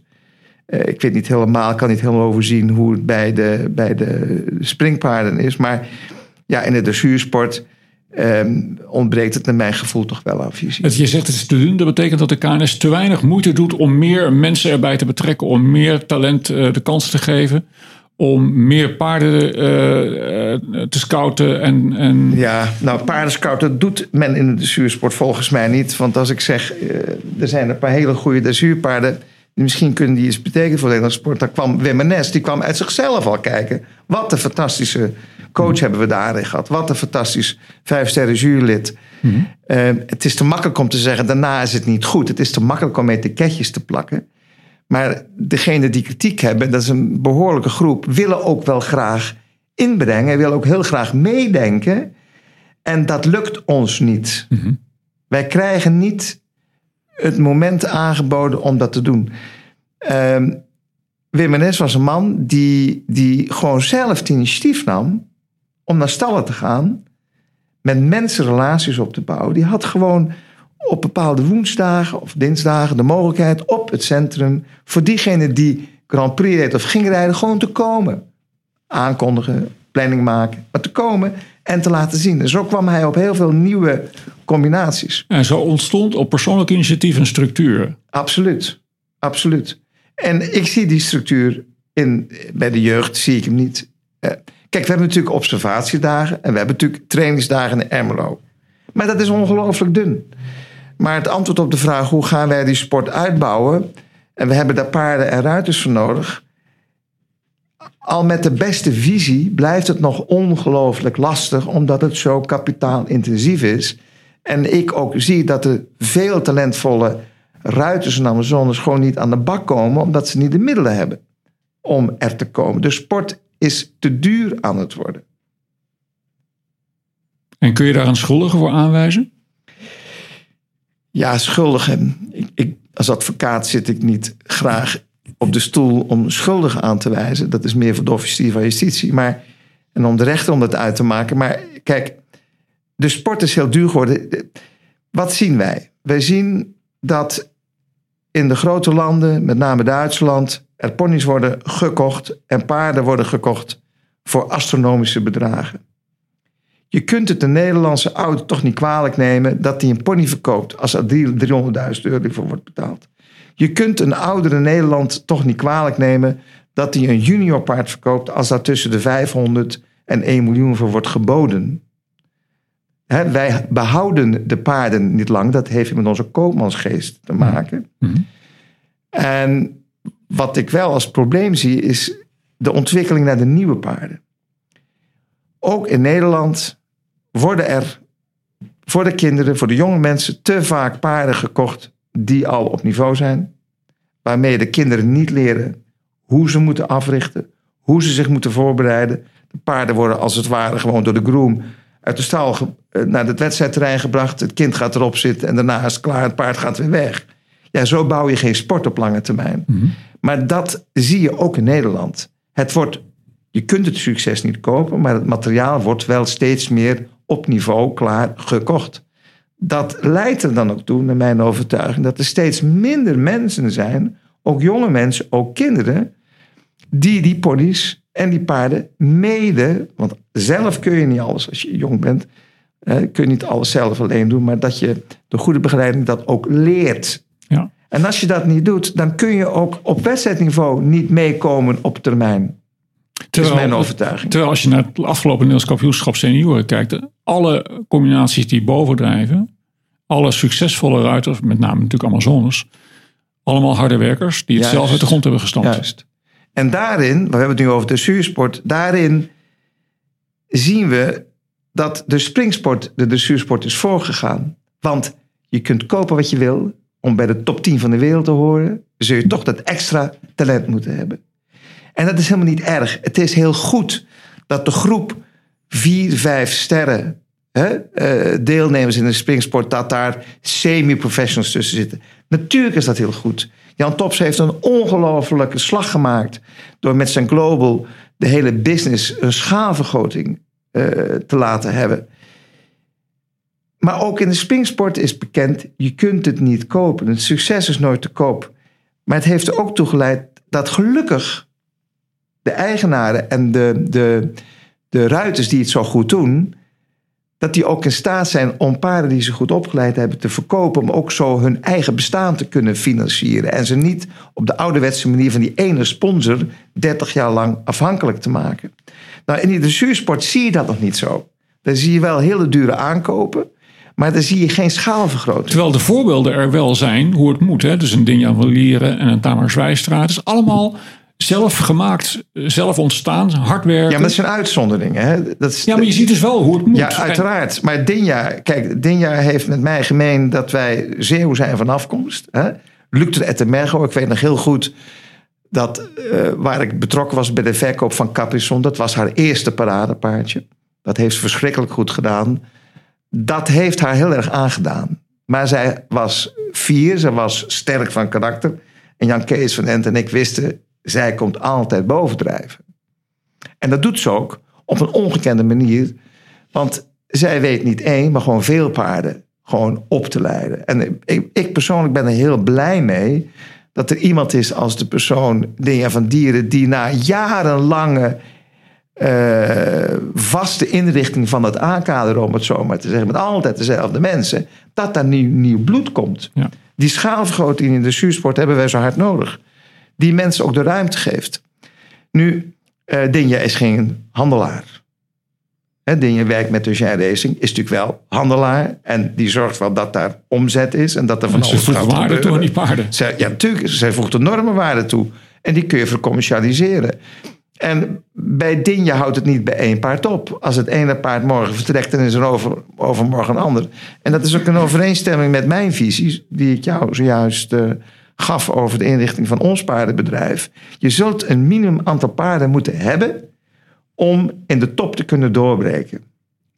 Maar dat moet dan toch het recept zijn voor de Nederlandse eh, school, de productie van nieuwe ruiters, nieuwe paarden. Het, het besef dat het op de manier van Dinja van Leren en Tamer Zwijstra moet. Ja, dat zijn voorbeelden. Maar de weg naartoe is er één die niet primair gericht is op de sport. En ik vind persoonlijk dat de KNS en de coaches te veel gericht zijn op die sport. Je ziet ze ook alleen maar op de sportmomenten. Ja.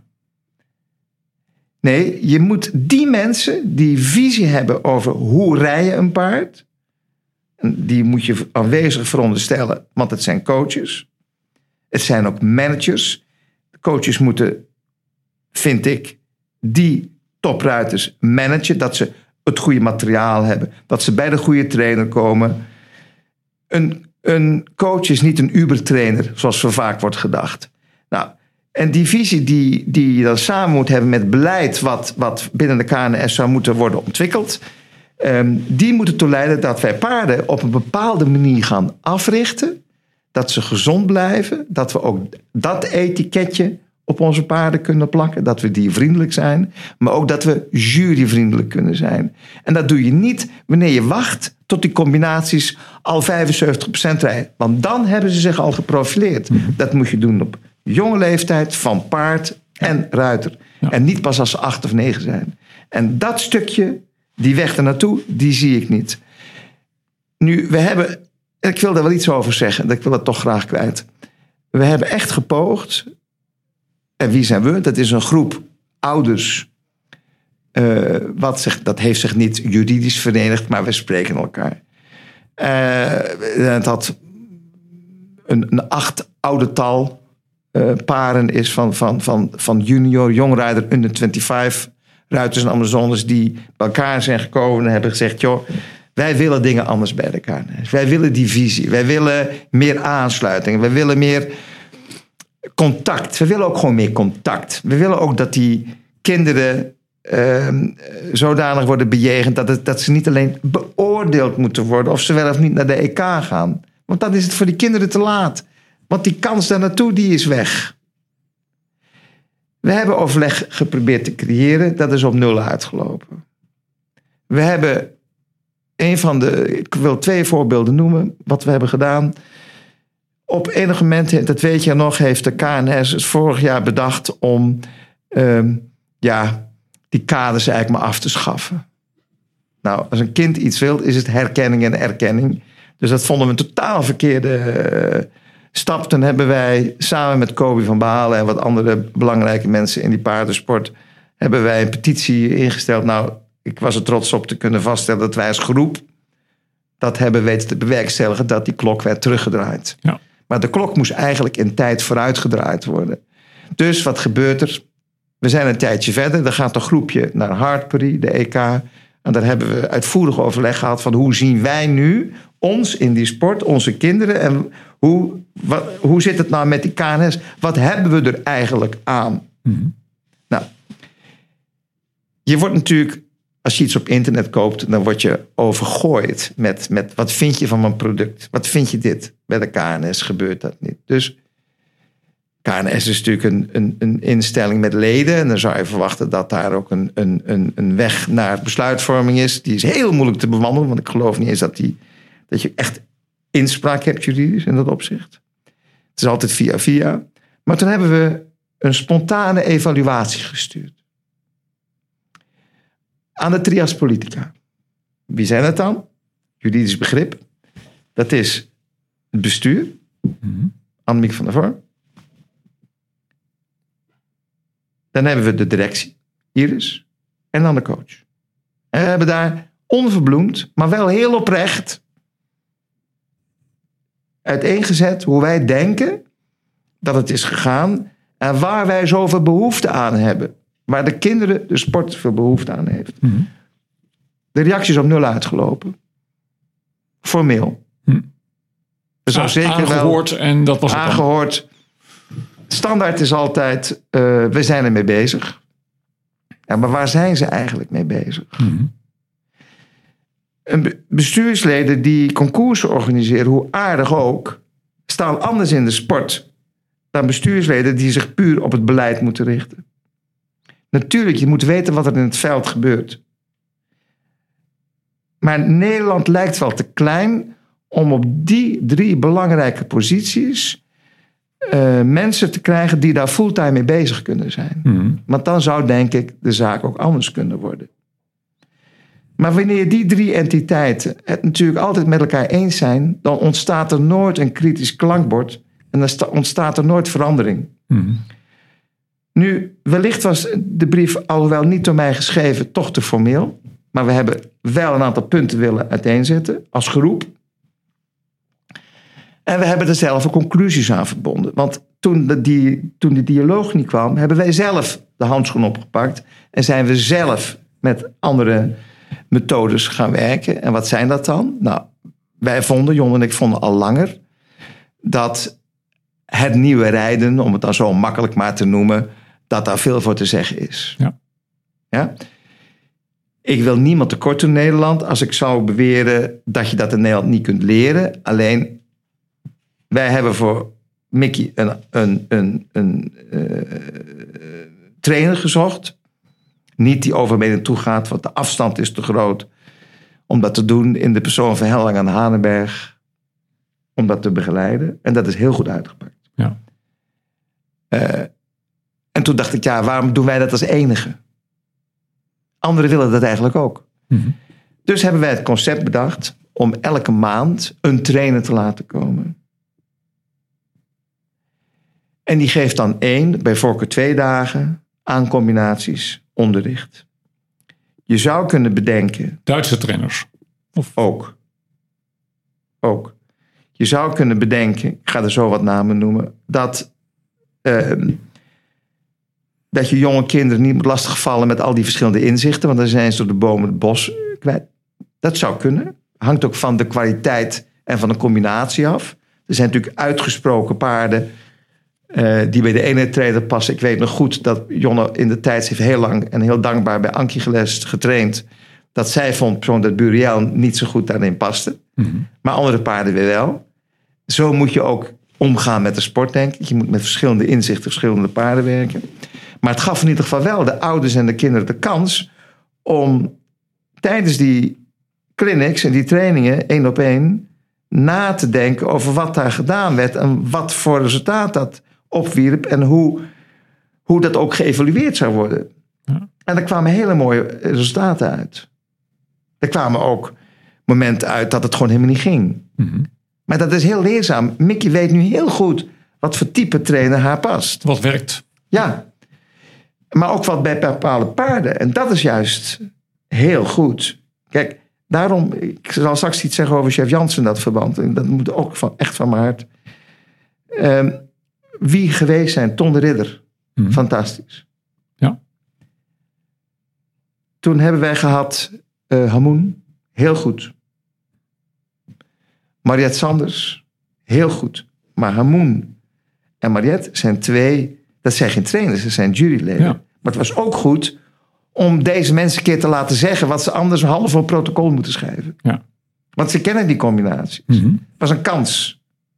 En niet alleen dat ene moment twee weken of één week voor die EK, zoals de KNS het organiseert. Wie ook geweest zijn, is Anne van Olst. Geweldig. Natuurlijk. Uh, dan wil ik niemand tekort doen. Ja, Nicole Werner is ook geweest. Mhm. En het leuke daarvan is dat toen wij de mensen hebben gevraagd, eigenlijk iedereen onmiddellijk spontaan ja zag. Wat ik het van Nicole niet verwachtte, want die heeft het zo druk. En ik weet dat ze bij Klok qua lesklanten toch een niet heel progressief beleid hebben. Mhm. Uh, heeft hij echt haar centje willen bijdragen. Maar dit was allemaal privé, persoonlijk initiatief. Privé, ja, tuurlijk. En dat hebben we nu afgerond. Dat is nu, dit seizoen is nu klaar. En we gaan na de EK augustus gaan we weer eens met deze ouders om elkaar, bij elkaar zitten om te kijken wat we gaan doen. Ja. En het is niet zo dat wij denken dat dit de oplossing is. Nee, maar je wil natuurlijk alles beter. Ja. Beter, je wil je paarden beter. Ik heb een stal, ik heb een, een Amazone. Ik heb naast natuurlijk Jonne en, en Mickey. Zijn er nog anderen die rijden? Niet veel, één of twee. En je ziet gewoon heel goed, de een kan heel goed met dit paard, maar niet met het ander. Dus je, je moet een heel stukje begeleiding Ja. Meenemen en blindheid bij mensen wegnemen en ook beslissingen durven nemen. Dus je moet met name met jeugd heel vroeg beginnen. Maar jij had eigenlijk verwacht dat de KNS dit soort initiatieven zou ontwikkelen. Nou, dit is niet iets wat we de KNS wilden uh, uh, opdienen. Wat wij willen is dat zij met al hun kennis en middelen met een plan komen. We hebben heel vaak gevraagd: kom nou eens met een plan. Ja. Kom eens met een strategie. Kom eens met iets. En ze hebben nooit de moed gehad om dat aan ons te verwoorden. Oké, en dan is En het dat vind ik jammer, want. Maar misschien past dat bij het tijdsbeeld dat je dat niet van de KNS mag verwachten. Maar kijk, wij worden natuurlijk. Het is al minder. Je hoort ook van juryleden dat ze vinden dat de jeugd al beter rijdt. Hè? Je hoort het, hè? Maar zeker nu ons A-kader een tijdje niet zo sterk is geweest. Ja, we hebben natuurlijk dingen, ja, tuurlijk, maar die komt er helemaal op. Maar wij zijn zeker niet dominant in de sport. Dat gaat wel weer juryplaatsen kosten vanuit Nederland. Hè, en dus wij moeten toch ook de Nederlandse sport kunnen promoten. En waarom moeten die juryleden zo laag punten als, het, als ze de jeugd gaan punten? Nationaal, internationaal. Op een NK of een. Dat is geen uithangbord. Daar moet je als KNS ook een C in hebben. Je, als KNS moet je een beleid kunnen maken. En de coaches, alle coaches die we nu hebben, zijn zeer wel in staat om hier een bijdrage aan te leveren. Die zijn zeer wel in staat om bij de topstallen of de beter, niet alleen topmensen, maar ook aankomende talenten, om zich daar meer in te verdiepen. Ja. Dat moet kunnen. Die tijd moeten ze kunnen hebben. Oké, eh Luc, je loopt warm voor de... Chef, Ja- Chef Jansen wou ik er iets over zeggen. Vertel. Wij worden in de wereld natuurlijk verguisd met onze dressuursport. We hebben het allemaal over dit, deze trainingsmethode. Maar ik zie ook Duitse top Amazones in het losuitterrein rijden. Ja, we weten allemaal Natuurlijk. dat heet gymnastiseren. En dan wil ik niet wegwuiven. Alles wat te maken heeft met dierovriendelijkheid. Dat moet onmiddellijk worden aangepakt. Daar ben ik een enorme voorstander van. Maar niet, niet in handen leggen van mensen die niet weten waar ze over praten. En met, met Anke is ook chef. Die zijn zo verguisd met hun training. Dat zij eigenlijk ontmoedigd zijn om nog echt een bijdrage te leveren aan de ontwikkeling van al die mensen. Want chef zeker, die kent zoveel, heeft zo in zich zoveel trainingsmethoden, heeft zoveel ervaring, die heeft zoveel grote ruiters en Amazones eh, ook een kittel groot gemaakt. Pas op, vergeet het niet, komen uit de stal van Ankie en chef. Dat we daar zo weinig mee gedaan hebben. Dat als ik aan de KNS vraag, joh, wordt het niet eens tijd gewoon qua leeftijd? Net als met Rutte, die is er al zo lang. Nou, bij Rutte heel veel moties van wantrouwen. We hebben niet zoveel moties van wantrouwen richting deze coaches. Maar is het niet eens tijd om een nieuwe aan te wijzen? En dan antwoorden ze altijd met de vraag: Ja, weet jij er een? En dan kom ik met een lijstje. En dan hoor je weer niks. Maar wij moeten toch in staat zijn om die sport nog een, een duw te kunnen geven. En zeker in de basis, dan heb ik het niet over de B-pony, maar het begint met de D-ponies. En met de juniorenpaarden. Met een goed juniorenpaard bouw je een under 25 paard. Kijk naar Fiona. Daar moet het gebeuren. Maar wij zijn te, vanuit de KNS, alleen maar bezig met... met we hebben een EK, daar lopen allemaal bobo's van de KNS.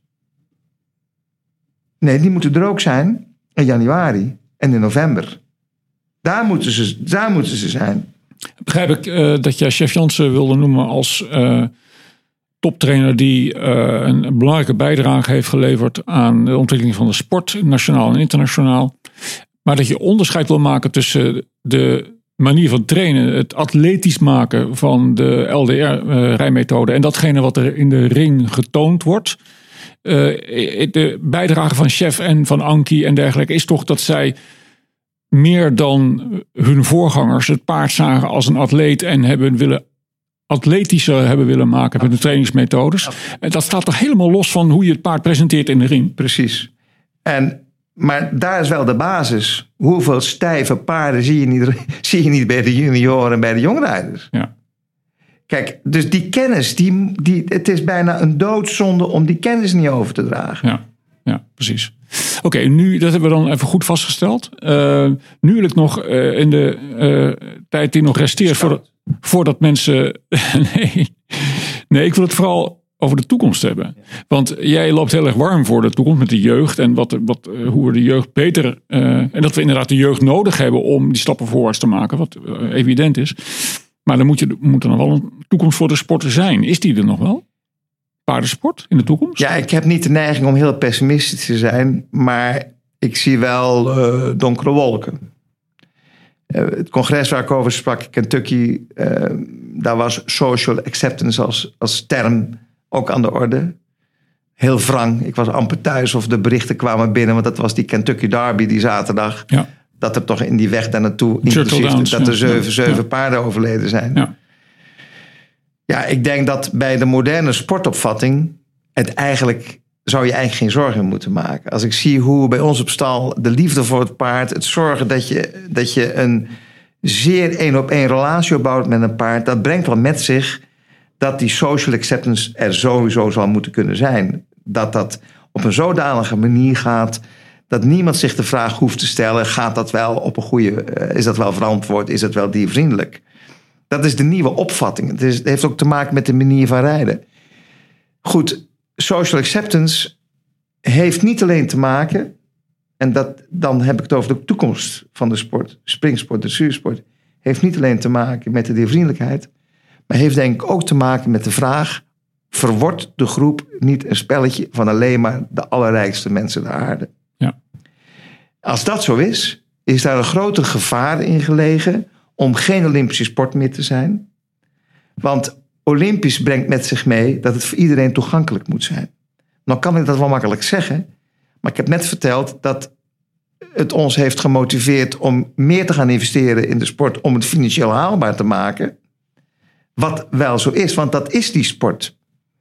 Als je een kind hebt wat heel goed kan karten, kan het geen Max Verstappen worden als het niet verschrikkelijk goed is, want die middelen moeten er wel zijn. En niet iedereen kan een Formule 1 kopen. Dus ik maak me heel veel zorgen over de kostprijs van de sport. En je stelde mij eerder de vraag: hoe komt dat nu? Ja, waarom moet nu een evenement zo duur zijn dat als wij met twee paarden naar een concours gaan internationaal, alleen maar op de locatie, heb ik het niet over de kilometrages, dat je gewoon 2000 euro kwijt bent met twee paarden? Waarom? Hmm. Waarom is dat nodig? Dan heb je geen prijzengeld en we hopen al. Maar het prijzengeld gaat ook alleen maar omlaag. Ja. En dan, wij zijn in Geesteren. Mijn vrouw vertelde mij 150 euro elektriciteit voor de vrachtwagen. 150 euro. Hm. Dat is een verdienmodel. Ja. En toch krijgen die organisatoren het heel lastig. Om dat allemaal financieel rond te krijgen. Hmm. Alles wordt dus duurder. De sport wordt dus duurder. Ja, dat vind ik zorgwekkend. Ik heb daar natuurlijk geen. Ik heb wel een deel antwoord en daar wil ik wel iets over kwijt ook. Voor de dressuursport. Maar ja, als dit zo doorgaat. Het is natuurlijk ook niet meer zo dan wat we altijd maar hebben geroepen naar die Amerikanen. Jullie kunnen niks opbouwen. Maar wij hebben in elk dorp hebben wij een vereniging en er zijn ponies. Ja, maar dat, dat gaat niet vooruit, dat gaat achteruit. Dat wordt steeds minder. En dat heeft ook met kostprijs te maken. En met het feit dat er toch altijd weer mensen zijn die de beste pony kunnen kopen. Kun je die mensen niet kwalijk nemen. In basis beste ponies hebben wij ook altijd gekocht. Maar ja, dan heeft de vriend of het vriendinnetje het wel steeds moeilijker. Dus de factor geld wordt een grote, groot probleem in de sport. Ja, met de ontwikkeling dat zeer, zeer rijke mensen in Amerika, in Arabië, gewoon zich in kunnen kopen. Ja, maar ook in, hier, hè? Nederland toch ook en in Zweden toch ook. Ja. Wijs allemaal maar aan. Nou, oké, de, de, de ontwikkeling is richting kapitaal Ja. intensiever worden van Ja. de sport. Ja. Dat is duidelijk. Goed, misschien heb ik voor de dressuursport eh, daar wel iets over te zeggen. Want de vraag is natuurlijk altijd: hoe kunnen we die dressuursport nog een impuls geven? Want de dressuursport, daarvan zegt iedereen, dat is helemaal niet interessant. De, de tribunes zijn leeg, ligt er maar aan welk land je bent. En in tegenstelling tot de springsport, want daar wordt veel meer bezoek, er is ook meer spanning en sensatie. Maar ik persoonlijk ben van mening, dat, en dat staat ogenschijnlijk haaks op wat ik net heb gezegd, maar er moet eigenlijk meer geld komen in de zuursport. Als er grotere sponsoren zijn van de wedstrijdsport, het prijzengeld omhoog gaat, ga je wat ik noem het topseffect krijgen. Mhm. Hij heeft het gezien met de, met de springsport. Ja. En ik ben ervan overtuigd, en ik heb het dan met al mijn eerlijkheid gewoon gepikt, het model, want ik heb het zelf niet bedacht, maar ik zie het gewoon gebeuren. Op het moment dat in de dressuursport er groter eh, prijzengeld komt, en dan praat ik over substantieel, want het is eigenlijk gênant dat als je in Nederland lichte Tour of Grand Prix rijdt, dat je een zeepje krijgt. Ja. 25 euro. ja. En dan dus- kun je je afvragen, dan kun je afvragen, ja, hoe moet dat gefinancierd worden? Ja, die sponsoren die zijn er. En in de springrichting is die ontwikkeling er al volop. Ja. En kan de zoon van Pieter Kersten De zoons van Pieter Kersten kunnen gewoon hun brood verdienen. Juist. En ook topsportbedrijven. Dus schaalvergroting. Terwijl, terwijl, terwijl Pieter Kersten het zelf niet kon. Juist. In zijn tijd, om het zo maar even te noemen. Hetzelfde geldt voor anderen, voor Hester Knopmaker. Haar kinderen kunnen het wel. Terwijl zij zelf de top wilde bereiken, maar het financieel niet kon.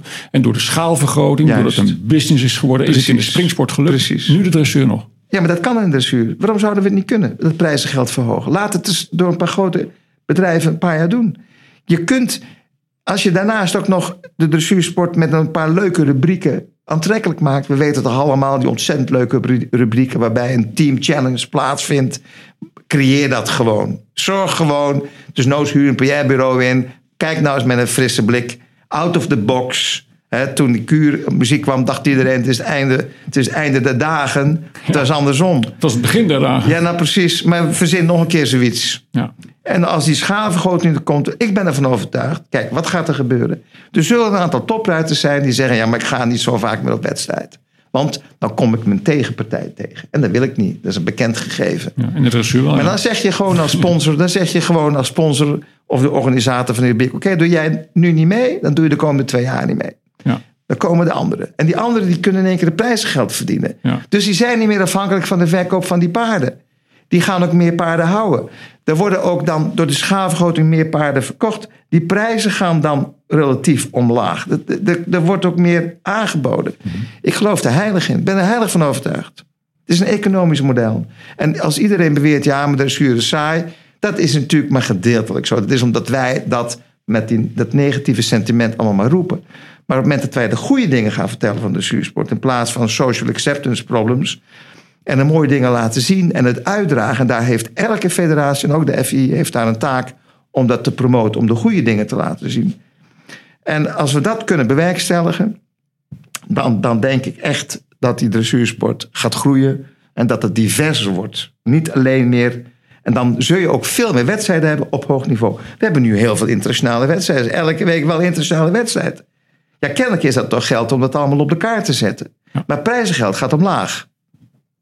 Ja. Ja, kan niet. Je kunt, prijzengeld moet goed zijn. Als je een Grand Prix rijdt op, een- op, op een 4 ster of 5 ster, moet je gewoon goed geld kunnen verdienen. En ook de lichte tour, en ook de junioren en ook de jonge rijders. Oké, we zijn twee uur verder, eh, Luc. Inderdaad. Eh, ja, we moeten een beetje denken aan de, aan de, aan de concentratiespannen van onze luisteraars. En ehm, als je het goed vindt, dan ga ik eh, richting het einde van dit gesprek met eh, het constateren dat we het over twee dingen eigenlijk niet hebben gehad. En dat zijn eh, jouw collega's, eh, advocaten en de individuele dossiers. Want dat waren precies de dingen waar je het niet over wilde hebben. Kun je dat misschien nog even uitleggen waarom je dat niet wil? Nou, ik vind het sowieso. Het is niet mijn stijl om over individuele dossiers te spreken. Hè, ehm, Terwijl het wel juicy is om te horen over die. eh, Jawel, ik ben wel blij dat, dat bepaalde uitspraken gepubliceerd worden. Omdat ik denk dat ze wel bijdragen aan het verhaal. Maar ehm, ik ben niet een, een advocaat die. ehm, kijk, je, hebt de strijd in de rechtszaal. Daar moet het gestreden worden. En op het moment dat het er buiten treedt. eh, gaat het om de personen achter het geschil. En dat dit, die interesseren mij minder. Ja. Ik bedoel, ik- ben nog eens betrokken geweest bij een zaak wat ging over sperma. Gelukkig heeft de rechter uitgemaakt dat sperma niet automatisch meer overgaat bij het verkopen van de hengst. Ja. Nou, dat was altijd ons standpunt en dat is nu jurisprudentie. Dat vond ik belangrijk. Ja. En hoe de individuele partijen met elkaar omgaan, dat is voor de grote groepen in de samenleving niet relevant. Dus eh, ik heb altijd wel gevonden als advocaat dat waar je dan kunt bijdragen in casuïstiek en in, in wijzigingen en opvattingen, dat dat ook jouw taak is. Want je bent in een niche bezig. Maar ik vind het niet goed.